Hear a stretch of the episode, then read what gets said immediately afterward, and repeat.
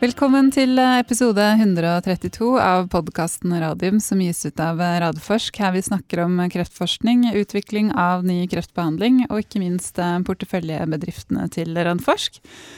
Eh, dagens episode heter 'Vaksineproduksjon i Norge'. Eh, og den tittelen skal vi snart få en eh, forklaring på. I dag er det 27. mai 2020. Uh, og vi har dessverre ikke Jonas Einarsson med oss i studio i dag. Han uh, hadde noen presserende møter som han måtte ta seg av. Men da er det veldig hyggelig å ønske velkommen til Anne Kjersti Fallevik, som er områdedirektør for næringsliv og teknologi i Forskningsrådet. Takk skal du ha. Det er hyggelig å ha deg her. Bare hyggelig for meg også. Ja. Du har vært med i podkasten før også, men jeg tror det er første gang du er med i studio? Ja, jeg lurer på om vi har hatt noen sånn Arendalspodkast-sendinger. Ja. ja. Kanskje noen andre steder også? Husker ja. ikke helt. Nei, jeg husker ikke helt heller. Men det har stort sett vært publikum i salen i hvert fall, når vi har hatt deg med. Ja. Det har jeg også vært. Men det er koselig å ha deg med her i, her i studio. Um, vi skal snakke mer om det med vaksine og vaksineberedskap uh, i Norge om litt. Grann, men jeg skal ta litt uh, aktuelt uh, skjedd siden sist, før vi begraver oss ned i det. Eh, hvis vi først ser på selskapene, så har det da vært en emisjon i eh, porteføljeselskapet til Radforsk som heter Hubro Therapeutics. Eh, selskapet har hentet 15 millioner fra bl.a. Investinor og nye investorer. Det her er et relativt nystarta selskap i Radfors sin portefølje. Men uh, gammel teknologi uh, den stammer da fra forskning utført ved Norsk Hydro sin kreftforskningsinstitutt og samarbeid med Radiumhospitalet på 1980-90-tallet. Um, og det selskapet skal gjøre, er å utvikle en teknologiplattform for, å, for uh, vaksiner mot kreft i mage og tykktarm. Og andre selskaper som på en måte også kommer fra fra den grenen her innen forskning, det er jo da Torgovax og Ultimovax. Um, vi hadde med oss Jon Amund Eriksen, som leder selskapet i episode 92. Så uh, hvis det er noen som er på nysgjerrig for litt mer detaljer om, om, disse, så kan man gå tilbake dit. Eller så snakka jeg akkurat med Jon Amund i gangen nå, så vi avtalte at han måtte komme, komme som gjest uh, ganske snart. Men kan være mulig det drøyer til, til høsten. Eh, ellers er det Nordic Nanovektor eh, hadde sin eh, kvartals, eh, eh, første kvartalsrapport eh, i går. jeg skal ikke gå så veldig nøye gjennom det i og med at ikke vi ikke har med oss Jonas i dag. Men den viktigste, sånn som jeg ser det i hvert fall, det er jo det at betalutin nå i, i paradigmestudien der går rekrutteringen fortsatt trøgt. Det er 51 av 130 pasienter som er rekruttert. Eh, meldte selskapet nå. Og de har gjennomført et møte med FDA om ny protokoll for denne studien, og for å øke da rekrutteringstakten, sånn som de har eh, meldt eh, tidligere. Og så skriver de i tillegg at nå skal de oppdatere guidingen på rekrutteringen, at det er mulig at de endrer fra gjennomført rekruttering, som de tidligere har guidet på, i løpet av 2020.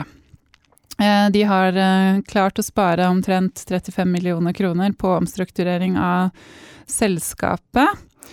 Men uh, nyheten, eller kvartalsrapporten, ble ikke veldig godt tatt imot uh, på børsen, og de har falt ganske mye. Um, kan ta med bare noen sånne korte oppsummeringer i forhold til uh, korona også. Vi har jo tidligere, tidligere i podkasten snakket en del om remdesivir som det er en potensiell behandling for uh, de som har blitt alvorlig syke um, av uh, SARS-CoV-2, altså koronaviruset. Og det er en ny artikkel publisert i New England Journal of Medicine nå som viser at Remdesivir, hvis den blir gitt på et riktig tidspunkt, muligens rett før pasienter blir for syke, altså før de må kobles til respirator, så kan, eh, kan, det ha en effekt, eh, positiv effekt på dødeligheten i forhold til de som ikke får behandling med remdesivir. Men her er det fremdeles eh, tidlig, og, og, man ønsker å på en måte se mer omfattende pasientdata før man konkluderer. Um, det er også gjort ytterligere forskning på bruk av klorokin og hydroksyklorokin. Altså denne malariamedisinen, eh, skal brukes, eller har vært tenkt brukt på litt samme måte som remdesivir. Der viser dessverre forskningen så langt at, at det, dette er medisin som kanskje ikke har noe effekt, kanskje til og med kan forverre tilstanden til de som er syke. og Det er da forskning som er publisert i The Lancet. Uh, I tillegg i dag så var det en veldig, uh, veldig fin episode i podkasten Forklart i Aftenposten om, uh, om, flokkimmunitet og hvor mange som har, altså har vært gjennom viruset, kan man si det på den måten, har antistoffer. bare satt og hørte på den og noterte meg noen tall. og det og de antistofftestene som har blitt gjort så langt, de viser egentlig at det er veldig få som har gjennomgått sykdommen. Eh, Belgia har det 6% som er antistoffer, Spania 5% Stockholm 7% New York ganske høyt på 20% men de har jo vært veldig hardt rammet og hatt eh, høy dødelighet også, har vært en nedstengt by nesten en måned eller mer. Eh, og i Norge så er det kanskje bare under, uh, under 1% Og dette er jo eh, nyheter i forhold til det at man kanskje bare for en måned siden trodde at man hadde en, en skjult smitte i befolkningen, at kanskje opptil 50% av befolkningen hadde vært, eh, vært, smittet. Og det kan jo også tydelig tyde på at eh, dødeligheten på viruset er, er høyere. Anne Kjersti, det, var det noe av det jeg nå Nå snakka jeg på inn- og utpust, jeg er så vant til å ha sånne Jonas som jeg sitter sånn og kommenterer med. Men var det, var det noe av det jeg snakka om nå i forhold til det med korona som du har lyst til å si noe om eller kommentere? Det blir veldig på sparket, da. Ja, du må ikke. Eh, du vet, Sjefen i Forskningsrådet har jo litt flere hatter for tiden. ja, Du må, jo, du må fortelle folk ja, hvem det er. Jon Arne Røttingen leder jo også den styringsgruppen for Solidarity-studien. Ja. Så det skjedde jo en del rundt uh, malaria middelet i helga. Mm. Så jeg kjenner Du kjenner litt til det? Ja. Og diskusjonene. og det bør nok være anledning å invitere han hit, tror jeg. jeg tror det kan ganske spennende. Ja, det hadde vært veldig både, spennende. Liksom selve oppsettet, hvordan man jobber internasjonalt gjennom de uh, store organisasjonene mm -hmm. eh, i sånne settinger. Hva man kan virkelig få til. Og også alle de flaskehalsene man må liksom gjennom. skru seg gjennom. Ja. Så jo da. Mm. Og så har jo, jeg er jo farmakolog i bunnen et sted, sånn at eh, det interesserer meg også svært også hvordan man kan bruke allerede eh, altså eksisterende legemidler også i denne situasjonen. Så jeg følger nok med litt mm. mer. Enn, litt mer enn en vanlig avisleser. men, men, det, men, jeg syns dette her, som de snakket om på den eh, podkasten forklart i Aftenposten i dag, var veldig interessant. Det at det er så få som har, eh, altså, som har hatt viruset. Altså hvis det er sånn at hvis man har gjennomgått en infeksjon, så skal man jo ha antistoffer i, blodet. Så det kan jo ikke være noe annet som, som, ligger bak det at det er så få som har det. Det blir veldig spennende å se når liksom, studiene brer om seg i antall og omfang. Mm. Eh, for dette er jo til dels overraskende data. Mm. Men det er jo flere studier som har de samme resultatene. Så det skal bli veldig veldig spennende å se. Og det har jo veldig mye å si med hvilken strategi man velger også. Mm. Eh, for hvordan man rigge en sånn situasjon som dette fra et lands regjering eller fra helsemyndighetene som i Sverige. Ja, ja, for det veldig mye å lære. Jeg tror dette er en enorm læringsøkt for mange. Og den mm. klassisk gode, gamle flokkimmunitetstenkningen, det er ikke sikkert den funker for dette viruset. Mm. Nei, og det er nettopp det. Og da Camilla Stoltenberg var intervjuet i den podkasten, og som hun sa at i Norge så har jo det aldri vært en, på en måte en exit-strategi, det at man skal oppnå flokkimmunitet. Uh, og hvis, hvis, sånn som de tallene her viser, så, så har jo det vært den rette strategien. Og så hørte jeg også at uh, han Anders Tegnell, er ikke det han heter, han er sjefs i immunologen Har du tatovert han på flanken? har ikke kommet så langt. Nei, men han, han, var litt sånn skeptisk til denne testingen i Sverige, da. At han mente at det viste for lave tall, rett og slett. At det er falskt negative? Ja. Mm. Så Vi får se. Ja, vi får se. Også det har vært mye falskt positive i noen av testene, så vi får nå se. Mm. Jeg tror det er litt juryen ute, men ja. det er ekstremt spennende. Mm. Vi, er, vi er real time. Ja, dette er veldig ja. Hvor vi er forsøkskaninene. Det føles ikke alltid like, like behagelig, akkurat det der. Um, før vi skal snakke mer om dette med, med vaksineproduksjon i, Norge, kan ikke du fortelle litt om, om, deg selv og din bakgrunn? Nå sa du at du er jo farmakolog. Ja, Ja, først Blant annet. Altså, ja, så er det morsomt. Nå sitter vi jo i kjelleren på Ulland videregående. Og jeg er jo nabokjerring. ja det er du også. Jeg er virkelig nabokjerring. Og hele dette nye bygget her utfordra meg jo litt som nabokjerring, for jeg satt i styret i Velforeningen. Og vi har jo alltid hatt god løpende dialog med Radiumhospitalet og utbyggingsplaner. Men akkurat når dette kom opp, så kjente jeg det var stor motstand i Velforeningen. Så da satt jeg på, i forskningsrådjobben min og heia. Og så Ja. satt jeg i Velforeningen og kjente at det var vanskelig, så jeg gikk nå ut av det styret. Ja. Men jeg er svært glad for bygget kom, eh, også for nabolagets del, hvis jeg skal si det sånn. Det tilfører en del kvaliteter og vitalitet som jeg tror er viktig. Men jeg jobber i Forskningsrådet, og det har jeg gjort i noen år. Eh, Jeg er del av hovedledelsen der. Så, og vi driver jo ommøblerer hele tiden. Så hvis det Ja, være helt korrekt, dere er gode på omorganisering Ja, vi er eh, i Forskningsrådet. Jeg har nemlig jobba som konsulent der, så jeg har sett ja, det vi fra jobba jo sammen der for mange Ja, år siden. veldig mange år Ja, siden. Du jobbet med Mhm. Fuge, du da? Ja. Stemmer. Um, Mm. Fuge det en av mange gjeter om, og vi Ja. står på skuldrene til veldig mye bra som blir gjort i Fugetiden, Elisabeth, Ja. så det kan du være stolt over. Nei, altså, så Jeg har egentlig fått en ny tittel, da. Jeg syns næringsliv og teknologi var helt fantastisk Ja, du, har ja, har du enda en ny tittel? Jeg Den her ansvars- henta jeg fra nettsidene Ja, da, du gjorde det, så det var ikke jeg oppdatert. Men altså, ansvarsområdet mitt er næringsliv, nyskaping, livsvitenskap og helse. Ja, så bra. Veldig bra. Jeg er kjempefornøyd med den. Mhm. Eh, og i det så ligger liksom det generelle ansvaret vi har for næringsrettet eh, forskning. Mm. Det ligger det generelle ansvaret vi har for nyskaping fra forskningsinstitusjoner. Og så ligger det spesialansvar faglig for helse og for livsvitenskap. Mm. Så for meg er jo det en helt ypperlig portefølje. Mm. Og da, det betyr at noen av disse søknadsløpene vi har mot bedrifter, mot forskningsmiljøer, mot TTO-er, har jeg ansvar for. Også SkatteFUNN. Mhm.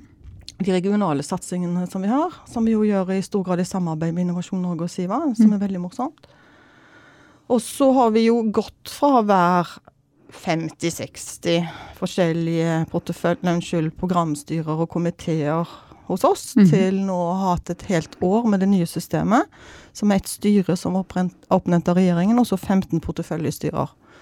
Så jeg har ansvar for fem av de porteføljestyrene også. Mm. Det Mm. er muliggjørende teknologier, industri og tjenester, helse, bioressurser og livsvitenskap. Så Mm. det er en fin, veldig veldig spennende portefølje. Så det, Og så har du bakgrunn som gründer. Ja, Og du er- har jo også jobba i på mange av liksom de store lokomotivene innafor hva skal man kalle det, bioteknologi eller livsvitenskap i Norge? Ja, jeg sier jo noen ganger at jeg har gjort alle feilene, gått tusen rundt. Sånn, for jeg, jeg, jeg kom jo sånn ung og naiv stående på Blindern og studerte først farmasi. Mm. Og så tok jeg en doktorgrad i farmakologi. Og i, i den tiden så begynte jeg å jobbe med det som het Nycommon Imaging. den tiden. Det var nok kombinasjonen av forskning og forretning som interesserte meg veldig. Mhm. Og Den gangen var det jo ikke noe som het nærings-ph.d., men jeg tror kanskje det var noe sånn jeg beveget med? meg inn i. Ja. Jeg gjorde veldig mye av studiene mine på Storø, den gangen det var en dyrestall der. Mhm. Og så gjorde jeg mye av studiene mine i Uppsala, uh, på radiologisk enhet der, og også på en dyreeksperimentell MR-tomograf i Lund. Mm Ja, litt gjennom det Nycomed-systemet. Så jeg der, begynte å jobbe der etter jeg var ferdig med graden min. Og jobba da forskningen lenge. Jobba i eh, prosjektledelse, jobba med produksjon. Eh, hele kjeden fra den, de tidlige eksperimentelle prosjektene, også markedsnært. Så det var en fantastisk god skole som jeg fikk gå, og som jeg jo, når jeg ser meg litt rundt nå i økosystemet Så det er veldig mange som har gått den skolen, og jeg tror vi som var der den tiden, vi ble kasta i ganske store roller. Mm. Altså Det var liksom den omvendte storleken. Det var store oppgaver. Mhm. Så det var bare at du ble ta det som var av oppgaver, og vi hadde ledelse som ga oss et fantastisk sikkerhetsnett. Så det var en veldig fin, lærerik periode. Mm. Og jeg skjønte nok ikke verdien av de årene jeg var der, før jeg sto utenfor og gjorde noe annet. Mm. Da så jeg alt jeg hadde fått med meg i bagasjen. Og nå møtte vi jo en kar i gangen her oppe også rett før vi kom ned. Det er mange av de som var i det miljøet den gangen, som ble liksom eksponert for full bredde, kan du si. Mm. Fra den eksperimentelle forskningen til å få skjønne marked. Som jeg tror har bidratt eh, bra i økosystemet. Mm. Men så ble jeg vel Jeg vet ikke om jeg skal være i ammetåke eller hva jeg skal si, men jeg ble iallfall Det var faktisk det. Jeg var, litt sent, jeg, var litt sent, jeg var litt sent i gang med barn, men iallfall når jeg var i svangerskapspermisjon, så var det tidligere kollegaer som eh, var på jakt etter en leder av et oppstartsselskap. Og det syns jeg hørtes kjempespennende ut. Eh, jeg hadde også I Nycomed-tiden så hadde jeg gleden av å bo i California en periode og jobbe med en spin-out fra Stanford. Eller jobbe i en spin-out fra Stanford som Mm. nykommet hadde kjøpt. Så, og det der miljøet i California, i Silicon Valley med Sandhill og hele den der greia der, hadde veldig sånn appeal til meg. Så når muligheten var der for å gå ut i et oppstartsselskap, så syntes jeg det var kjempespennende. Og det var fem-seks flotte år. Mm. Spennende. Og da lærte man jo andre, andre ting man ikke lærer i storindustri. Mm.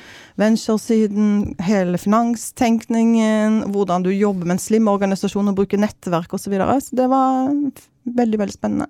Hva gjorde dere? Eller hva skulle dere gjøre? Vi jobber med en, eh, en eh, biomedisinsk sensor som skulle måle partialtrykk av CO2. Mm. Ikke i blod, men i vev. For å se på perfusjons, altså flow, blodflow, Mhm. under forskjellige indikasjoner. Rekonstruksjon av bryst, f.eks. Dropfoot. Eh, veldig, veldig spennende. Så vi var med, vi var en biosensor som vi militariserte. Fikk CE-merke på. Uh, 50K-godkjenning.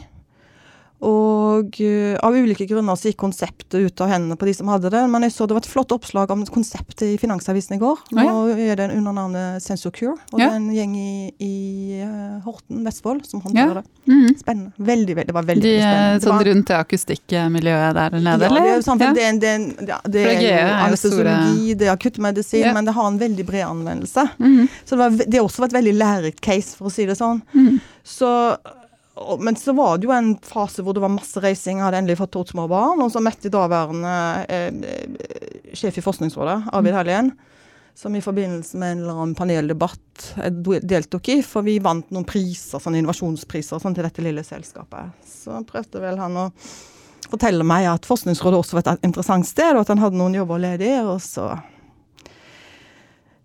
endte det med at jeg dro dit, rett og slett primært for familiesituasjonen. For jeg må Mm. bare innrømme, jeg visste ikke helt hva jeg gikk til. Men jeg har liksom fra da av til nå jobba i ledelsen i Forskningsrådet, så det er over ti år. Og det har Mm. vært ekstremt spennende. Og mye av den erfaringen jeg hadde med meg, da, har vært nyttig. Så jeg føler jeg kan bid jeg kunne bidra for dag én, men jeg Mm. lærer også noe hver eneste dag. Mhm. Så derfor er det et veldig spennende sted å, sted å jobbe. Og jeg er veldig glad for liksom, den industrielle gründererfaringen, internasjonale erfaringen jeg har.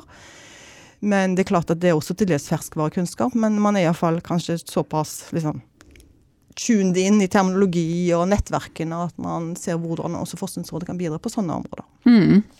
Ja, det tenker jeg er veldig viktig, viktig bakgrunn å ha. Og jeg vet jo at um, altså Forskningsrådet, og kanskje spesielt BIA-programmet i tillegg til, til SkatteFUNN, betyr jo masse for altså porteføljeselskapene til Radforsk, men også altså andre utafor som ut, altså utvikler andre ting enn kreftmedisiner innenfor helse.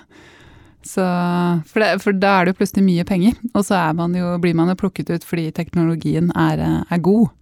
Så det Nei, Vi ser det, eh, og vi kan, vi kan jo snakke litt mer om hvordan profilen vår er nå. Men det har jo vært en økning i antall helseselskaper, bredt forstått, mm, eh, som anvender virkemidlene våre.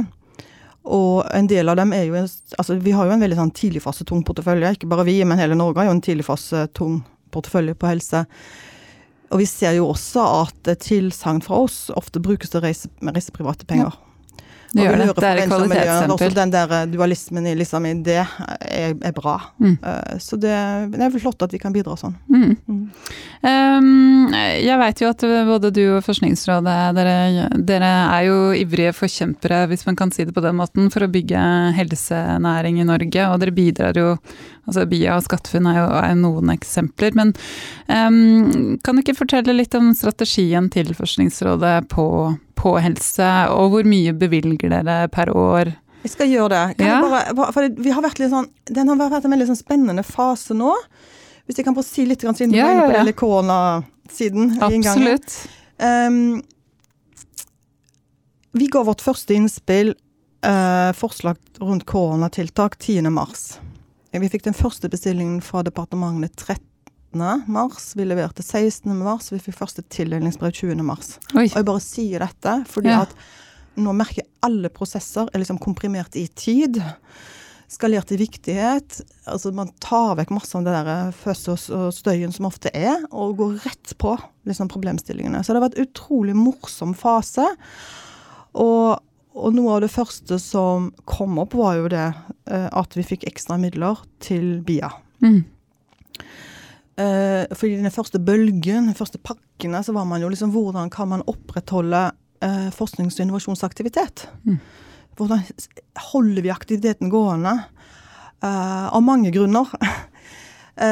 Og det å kunne Da fikk vi en kvart milliard ganske raskt. Og det å kunne ha den, og kunne liksom møte bedriftene Mm. nå Og så er det jo veldig ulikt hvordan det går. Samtidig. Innenfor IKT og helse så er det litt eh, freskere takt nå enn innenfor en del andre områder. Mm. Men det er hele tiden å kunne ha de pengene og, og, og gjøre litt nye ting, for det gjør vi nå. Eh, det har vært veldig ok. Så jeg, jeg syns egentlig eh, På vegne av forskningen og forsknings- og innovasjonsaktørene så er jeg utrolig stolt over at, at forskning og innovasjon var i pannebrasken hos politikerne og embetsverkene helt fra dag én. Mm. Og at de har liksom levert på det. Så det, det tenker jeg også er en sånn tillitserklæring tilbake. Mm. Um, og, og kan bare si kanskje det vi har gjort, er jo å gjøre ting vi ellers liksom er litt gjerrige på. Nemlig å legge inn alt det penger bedriftene ber om. Mm. Vi, vi gjør jo en vurdering. Hva er utløsende? Hva, hva offentlige midler trengs for at prosjektet skal komme i gang, og at ikke det skal være fullfinansiert? Det har vi jo ikke lov til statsstøtterettslig, men, Mm. men vi kan i prinsippet legge inn mer penger enn det vi klassisk har gjort. Så det vi har gjort nå, med de casene som har problemer med gjennomføringen i denne fasen, så kan vi gå opp i støttegrad. Mm. Litt avhengig av bedriftens størrelse, og litt avhengig av hvilken type aktivitet det er. Jo nærmere forskningen, jo mer kan vi legge inn. Jo nærmere markedet, jo mindre kan vi legge inn etter Mm. statsstøtteregelverket. Men det har vært kjempenyttig å kunne liksom ha den dialogen med bedriften og gjøre det. Og det andre vi har gjort, istedenfor å sitte og ruge på disse BIA-pengene våre til jul, sånn som vi vanligvis gjør, mm. vi sier at ok, nå kan du søke, og vi har frist i oktober, og så gir vi pengene i desember. Så virker det nesten kvalmt å sitte nå med halvannen milliard som skulle investeres i næringslivet, og vente til desember. Så derfor har vi også noen løpende søknadsmottak. Mm. Og så leser vi av tre-fire ganger i løpet av året. Og vi, tar nå, vi holder på å søknadsbehandle første batch. Mm. Og søknaden har jo strømma inn. Ja. Det har strømma inn med søknader. Da ser man jo virkelig at det er et virkemiddel som eh, bedriftene altså setter pris på, og som de trenger. Ikke sant? Ja. Altså etter tre, tre uker etter vi la ut den callen, så hadde vi flere Altså vi hadde flere søknader oppretta enn vi hadde hele fjoråret. Mm. Så, så det er jo også veldig liksom, viktig for våre oppdragsgivere å, forstå, forstå om de tiltakene de tilbyr, virker. Mm. Om de Mm. liksom, så, så det kan bli spennende å se på kvaliteten i den bunka, men jeg er kjempeoptimistisk. Mm. Så jeg syns det er bra at det har funka sånn. Og så har vi også fått penger til liksom, å gjøre spesielle en hastecalls.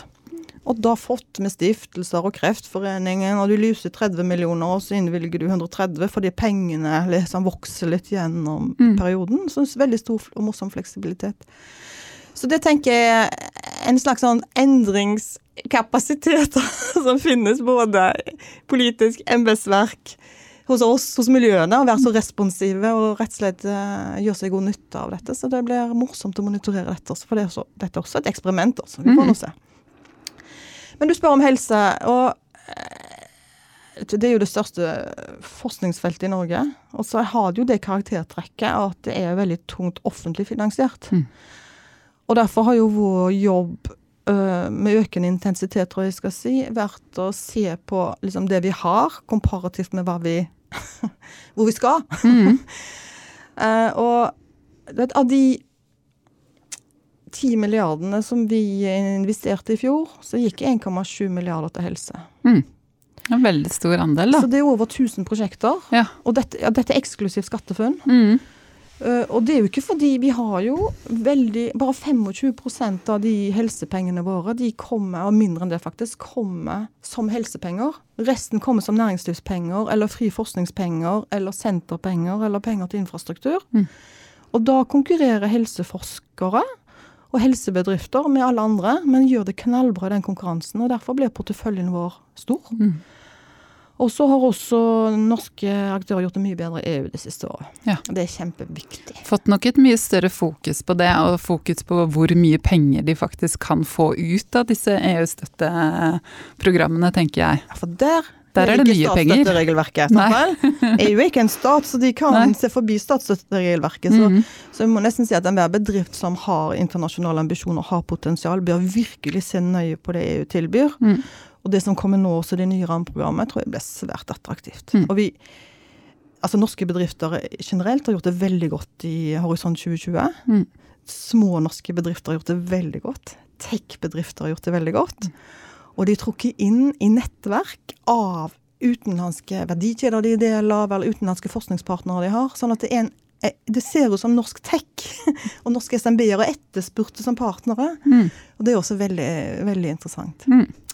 Så denne her store veksten, når vi snakker om 1,7 milliarder, så er det faktisk over 20% økning siden 2017.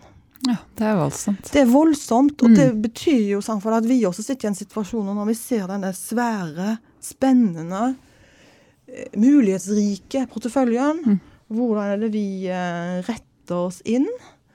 Hvor kan vi gjøre forskjell? Skal vi liksom begynne å peke noe retning? Så det har vi brukt ganske mye tid på å diskutere. Og eh, litt tilbake til sånn, vel, når, du, når vi sitter og gjør disse analysene våre, så må vi se hva, hva er profilen. Og som sagt så er profilen generelt tung i universitetene. Vel, universitetene og universitetssykehusene. Kanskje mindre på næringslivet her enn vi har på noen av de andre tunge områdene våre, som energi eller sjømat. Men et næringsliv som, er, som vokser absolutt i, i, i altså antall bedrifter og i prosentuelt sett, så, og, og, og, og diversifiseres. Altså e-helse, velferdstech, farma, diagnostikk. Det folder seg liksom ut Mm. eh, i, mange, i mange spennende akser. Så den kombinasjonen, altså at porteføljen er stor Ca. 20 av pengene kommer med en helsetag. Resten kommer gjennom øvrige ting. Gjør jo at vi vi, vi føler at vi både bør og har en plikt til å se på hvordan skal vi ta noen tak. Og, og noe av det vi har gjort, har jo vært å samle våre medarbeidere som jobber med helse, Mm. i en avdeling. Nå jeg går litt sånn på innsiden av Forskningsrådet. Men, Mm. men vi har tatt egentlig de som har jobba med grunnforskning, de som har jobba med helseprogrammene, de helsefolka som har jobba i BIA, de som har jobba med, med nyskapingsprosjekter og kommersialiseringsprosjekter i Forny, og lagt i samme fagavdeling. Og så har vi ansatt en ny leder, Ole Johan Borge, til å lede den. Og det er helt nytt i Forskningsrådet at vi prøver å se denne helheten sammen. Veldig morsom setup. Eh, og hvor miljøet og liksom befruktningen mellom både medarbeidere og inn mot de ulike miljøene kan bli, kan bli mye bedre. Så det har vært morsomt. Og så har vi jo også, eh, siden vi kanskje skal ha mest fokus på, på næringssiden, har vi jo jobba mye, som veldig mange andre i økosystemet, før, under og etter denne helsenæringsmeldinga kom. Mm. Og jeg syns de analysene du og Jonas har gjort rundt bordet her om helsenæringsmeldinga, de deler vi i stor grad. Mm. Altså, det er en god landskapsanalyse. Mm. Men litt sånn bleik på tiltak, eh, ja. bleik på Svar på tiltakssiden. tiltak. Og så var det en klunk embetsmann som sa til meg ja, men det gir jo stort handlingsrom, Anne Kjersti. Ja, Så- og, og det tenker vi Kanskje det er det vi må gjøre. Mm. At nå sitter dette Før koronakrisen så satt helsenæring, syns jeg, mye mer solid i politikk hos forskjellige aktørgrupper enn før. Mm. Og betydningen av helsenæring i alle dens fasetter har jo bare økt gjennom koronakrisen. Så jeg tror at gitt de gode analysene som er gjort, gitt den modningen hos aktører, nysgjerrigheten man hadde på hverandre i prosess, og blitt Mm. kjent med hverandre, og ser hvordan man kan spille roller, roller som liksom utfyller hverandre, forsterker hverandre og er komplementære til hverandre, det tror jeg vi skal ha stor glede av nå fremover. Mm. Så vårt innspill til meldinga var jo knytta til Vel, nå har vi så stort volum at nå må vi tenke ha noen systemtiltak. Vi er nødt til Vi har en nylig tidligfaseportefølje, men vi er nødt til å tenke industrialisering. Så må vi bare si at helsedata det er en råvare med foredlingsverdi, og det, det kreves liksom noe foredling. Mm. Og det siste er at vi tror vi må ha noen missions eller noen djerve store prosjekter som liksom peker retning. Mm. For som sagt, volumet er svært. Til dels fragmentert, men vi ser også noe mønstergjenkjenning. Altså disse tingene som er litt mer systemtenkning, litt mer rundt data, helsedata, litt mer rundt industrialisering og litt sånn retning på noen store, bolde prosjekter, er liksom det vi har spilt inn. Og så, siden det ikke var så spisse tiltak, selv om det kom noen flotte tiltak også, så prøver vi å utnytte det momentet, det handlingsrommet som er, til å ta tak i det fra vår Mm. side. Så vi har hatt eh, Vi har hatt retta utlysninger mot produksjon. Vi har hatt retta utlysninger mot helsedata. Nå hadde vi en kål ute på den hastekål på privat-offentlig samspill mellom Mm. bedrifter og, og helsetjenestene knytta Mm. til korona. Fikk over 30 søknader, så de skal vi bevilge i juni. Så, så under denne eh, meld, si, meldings, meldingsarbeid og modning hos aktørene, der, så tror jeg rett og slett at vi, vi tillater oss nå å utnytte et handlingsrom Mm. og gjør mer. Men, og da dette initiativet du vil vi skal diskutere litt om Ja. vaksine, er jo også litt knytta til det, egentlig. Ja, det var det som Ja. ante meg. At hvis det da ligger et handlingsrom og man ønsker noen store prosjekter, eh, sånn at eh, vaksineproduksjon, og så gitt også det, den pandemien som vi er i nå, og øh, det kommer jo ikke til å bli den siste pandemien. Mest sannsynlig så er jo dette er den første av flere. Eh, forhåpentligvis så kommer de neste um, flere år. Så er jo dette det, dette er veldig timely, tenker jeg. Jeg syns det var kjempeinteressant når jeg leste den kronikken dere hadde i E24. Og dere, det er jo da eh, Carita Bekkemellem, som er direktør i legemiddelindustrien, også kjent eh, tidligere stortingspolitiker og også statsråd for Arbeiderpartiet. Og så har dere med dere Stein Lier Hansen, direktør i, i Norsk Industri, og ikke minst eh, Hans Christian Gabrielsen, som da leder eh, LO. Også, også du som representant fra Forskningsrådet. Kan, kan vi først snakke om denne konstellasjonen? For da ble jeg veldig sånn positivt overrasket over å se denne samlingen av aktører. Ok. Hvordan har dere liksom møttes og tenkt at yes, vaksineberedskap og produksjon, det skal vi leve av i Norge? Ja, og vi har jo veldig mye dialog med disse, men kanskje mer bilateralt enn at Ja. vi har vært en, en, en kvartett, da. Um, men det er vel noe nå med dette liksom, moment in time, tror jeg, hvor, hvor de bilaterale og noen ganger trilaterale diskusjonene vi har, hvor, hvor man ser nå at det er et vindu til å Mm. påpeke noe ting. Og, og, og hele den vaksineproduksjonen i sådan er en viktig sak. Men den er jo også proxy, tror jeg, på det, det, det stedet vi står. At vi har en sterk life science-sektor. Stor forskningsintensitet. Mm. Vi har glitrende miljøer på avl, på marin, deler av helsefeltet. Vi har en veldig god mm, industri- og produksjonsforståelse. Mm.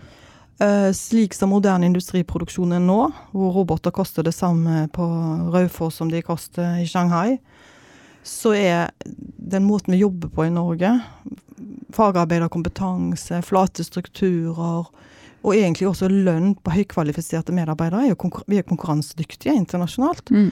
Så den homesourcingen, reindustrialiseringen, eh, som liksom teknologien muliggjør, og, og kompetansen vår tillater, skal vi si, eller også muliggjør, den gjør nok at, at dette clusteret, denne kvartetten, ikke så, ikke så odde som den kanskje kunne se ut til. Nei, det var ikke det at jeg tenkte at den var så odd, det var mer det at jeg tenkte at den var litt eh, mer innovativ. Eh, og at ikke, og det var ikke alltid disse menneskene man ser samarbeider nødvendigvis. Men, men eh, det er vel et eller annet med at i en krise så på en måte finner man sammen og ser litt nye samarbeidsfelt også. Veldig morsomt du sier det, for det, jeg syns jo at dette er noen av de jeg samarbeider mest med. Ja, ikke sant? Ja. men kanskje Da er det kanskje ikke så mye utad Nei, og det er klart at det å, å hele tiden sparre med nøkkelaktører og sånn vel, Forskningsrådet har jo veldig blikk på enkeltprosjekter, men hvis vi summer litt ut, så er vi fremfor alt en systemaktør. mm. En av våre jobber er å sikre at vi har et forsknings- og innovasjonssystem som er vitalt, og må, må være god på systemanalyse.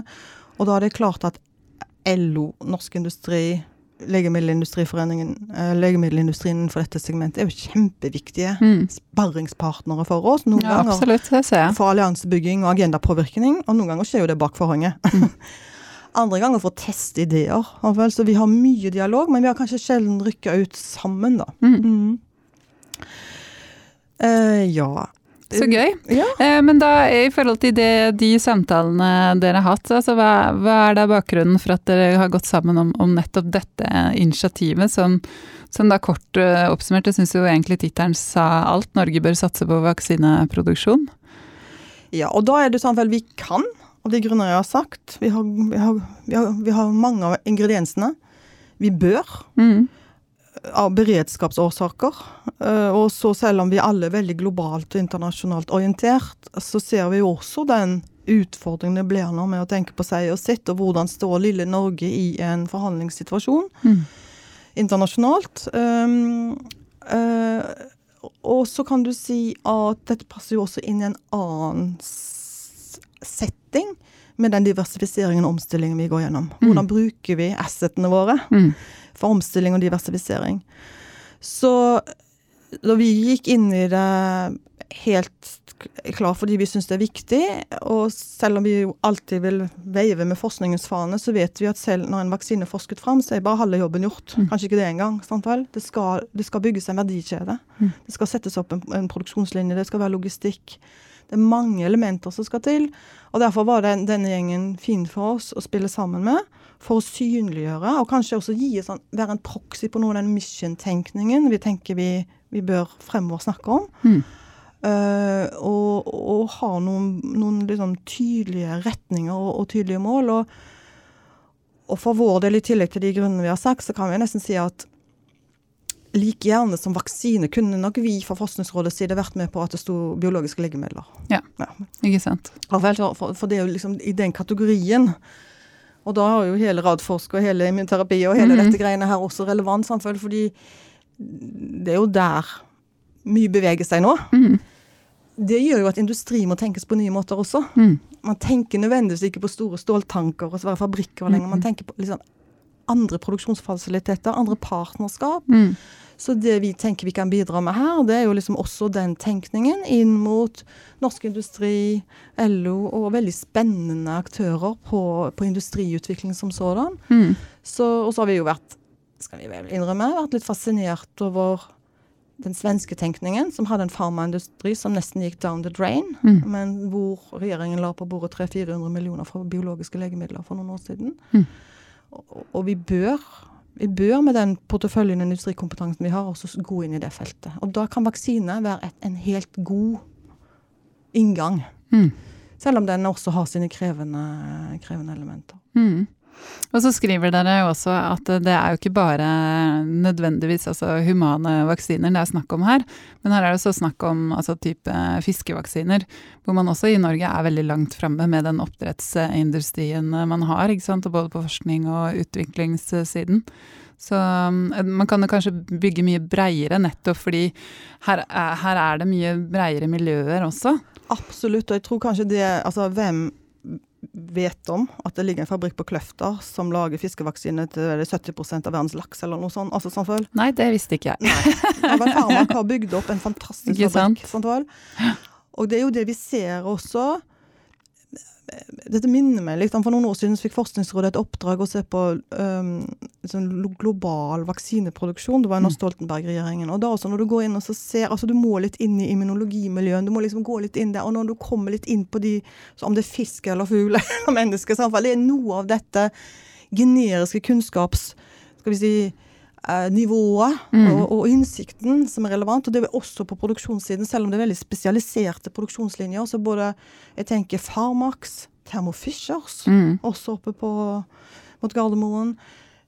Produksjonsmiljøet, vi har Halden, rundt Herøya skjer det spennende ting. På Sørlandet. Altså, den prosessindustrien og til dels vareproduserende industrien kombinert med denne life science-kunnskapen mm. fra avl på Innlandet, sånn fra gen og, og nordsvin og alt dette. Altså det er, når, du, når du begynner liksom å nøste i det, så er det enormt mye. Det, så tenker du, hva kan vi gjøre mm. for å sette streker mellom altså connecting the dots, rett og slett. Mm. Det begynner å bli veldig mange gode enkeltelementer. Og så er det er vi retningsgivende, mm. eller bare fortsetter vi å spre det? Og jeg hadde gleden av i, i, eh, før jul å være del av en, den svenske SFI-prosessen. da, Være mm. et ekspertpanel der. Og når jeg så alle de casene som kom der, så tenkte jeg vet du, vi står ikke tilbake for noen ting på det jeg så. Men vi, så, vi har ikke så mye orden og rede og retning. og derfor etter de, liksom den økta der, så tenkte jeg mm, vi har på en måte ingrediensene. Men det gjelder liksom å ja. samle de og satse ja. ja. Og da kan du si tilbake til der vi var med korona, som har gjort en, liksom, en, en oppmerksomhet på dette. Mm. Ikke bare i de nølige miljøene vi ofte snakker med, men også befolkningen er opptatt av beredskap mm. og tilgang på legemidler. Ja, og dette. Eh, og med de mulighetene som ligger der, så har iallfall våre analyser i Forskningsrådet vært at hvis vi skal reelt se til nye næringer, så er helsenæringen en helt reell mulighet. Mm. Uh, og, men da må vi sette streker mellom de gode mm, prikkene og mm. begynne liksom å få litt retning. Så, så, også derfor, dette var ett et eksempel på du kan få til, eller hvordan du kan få oppmerksomhet når du setter liksom, aktører rundt en problemstilling og peker litt retning. Mm.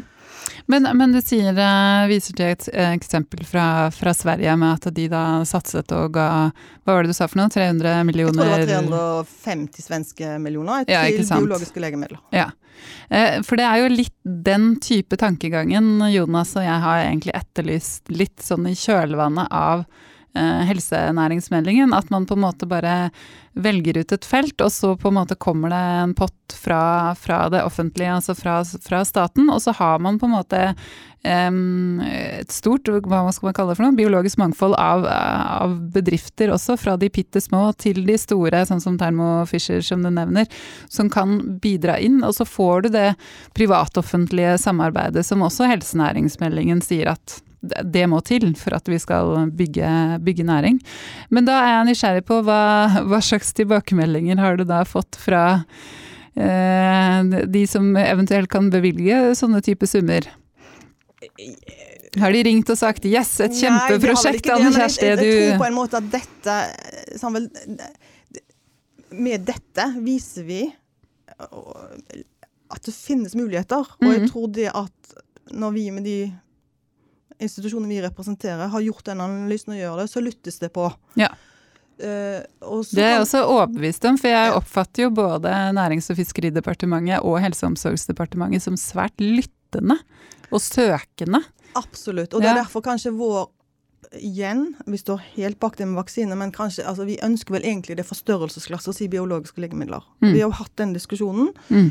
Med dere og andre samfunn, bør vi satse på kanser, eller bør vi satse på liksom, onko, eller bør vi satse på diagnostikk, eller ultralyd men, men, kanskje biologiske legemidler. kan være den, inngangen, paraplyen.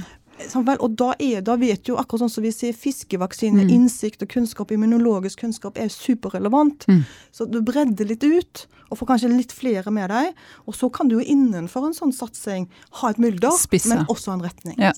Mm. Så, så da er jo cellelabber og immunterapi og mye relevant. Mm. Og nå har vi bare så vidt starta scratchet i dette. Men dette blir viktig for oss å diskutere nå fremover, og se om vi kan få til litt mer fart på noe av dette på en eller andre vis. Mm. Ja, så bra. Men har du fått noen tilbakemeldinger på, på initiativet? Jeg har fått masse sånne, sånne sosiale, sosiale medier-tilbakemeldinger ja. og mye ja, ja. heier opp. Ja. Og så er det jo klart at og der må jeg si er blant dem som også var med og kjempa veldig for at det vi hadde av produksjonsfasiliteter, skulle videreføres. Mm. Som var på folkehelsa den gangen. Så det er jo en del sånne Jaha, hva var det vi sa? og det tenker jeg det no, Noen lar aldri sjansen gå fra Nei, seg til det, da. Jeg, det er jo en tid for alt. Ja. sant vel? Og så har både produksjonsteknologi Forskningsfronten altså mange, mange ting har beveget seg mm. i retninger nå som jeg tror at at produksjon er ikke det som mange tror er produksjon. Derfor tror jeg ting kan være mulig å gjøre, mm. også innenfor den infrastrukturen vi har, men med den industrielle kompetansen vi også sitter på. Mm.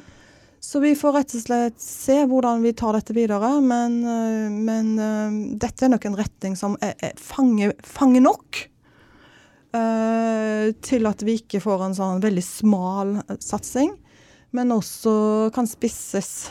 Mm. Og så kan man jo det er mange måter å tenke, videre, tenke, dette videre på. Vi har jo et internasjonalt advisory board i Forskningsrådet som er helt superspennende å jobbe med. Og de oppfordrer oss jo til å gå, bruke den bottom up, top down. At du kan kanskje ha bottom up call først. Og så henger du på noe liksom top down etter hvert. Mm. Du, må, du, må, ha interesse nok hos aktører. Ja, ja, ja. Så kan du kanskje nudge. Så vi skal se hvilke, hvordan vi gjør dette videre. Mm. Dere kommer til å bruke de aktivt i den prosessen? Ja, det er akkurat i denne prosessen, men dette med Ja. sånn generiske råd de har gitt oss, Ja. for, for sånn, dette med missions, Ja. da er det noen som blir urolige. Du skal plukke liksom Mm. ett felt. og Ja, nei, det, det Hos noen partier så gir ikke det så politisk eh, gjenklang. Nei, men hvis Nei. Du, du, du kan kombinere det sånn, for at du har en Mhm. sånn intensjons- eller interessemelding. Mm. Eh, Eller eh, du kan melde litt så, og bygge noen liksom, konsortier og noen ideer eh, rundt mulige satsinger, og så får de vurdert, og så kan du kanskje ta noen videre. Mm. Tilbake til vår søsterorganisasjon i Vinova. De har drevet med sånne utmaningsdrevne innovasjonsprogrammer som har vært ganske spennende, hvor de Mm. har fått god retning. Så Mm. vi ble veldig sånn, inspirert av å se hva, hvordan det også kan gjøres i andre land. da. Mm. Så mye av det de har gjort, er jo selvsagt preget av at det har vært en nøkkelnæring. Og de er jo kjempemisunnelige på det vi gjør på liksom energi og sånn, Ja. som er nøkkelnæring her. Men Mm. vi kan lære litt av hverandre. Ja, absolutt. Eh, Og, og svenskene også har jo denne livsvitenskapskoordinatorfunksjonen. Den skulle jeg jo gjerne sett at man kunne hatt i Norge òg. For de har jo da en person, eh, Jenny Nordborg tror jeg hun heter, som sitter da og koordinerer de ulike departementene som på en måte er nødvendig for å få til en satsing på, på livsvitenskap eh, i, i Sverige. Så jeg skulle gjerne kopiert henne og putta henne inn i Ja, vi har vel, vi og flere andre har vel underveis i helsenæringsmeldinga gitt råd om noe sånt. mm. Og Det ene er at hun koordinerer departementer, men det andre er jo at det finnes et, høynivå høynivåråd. Hvor universitetsrektor og, og toppene fra næringslivet sitter inne, venturemiljøene sitter inne. Så de blir jo, litt, de blir jo enige også om hvor trykker skoen, hvilke grep skal vi gjøre. Sånn at da er man på en måte med i den Diskusjonen. Man eier på en måte også retningsvalgene. Mm.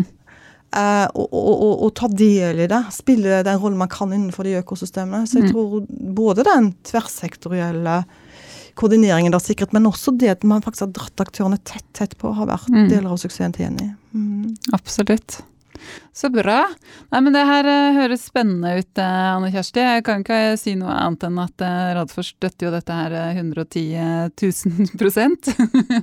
Det er dumt ikke Jonas er her for å kommentere litt mer, men dette er jo noe som på en måte passer rett inn i forhold til, som du sier, da. Spesielt når man bredder det ut fra bare vaksiner til å gjelde mer immunterapi. Og, og generelt så passer det jo perfekt i forhold til Radfors sin... sine selskaper, men også det man prøver å få til her med Oslo Cancer og, og hele, hele miljøet på helsenæring.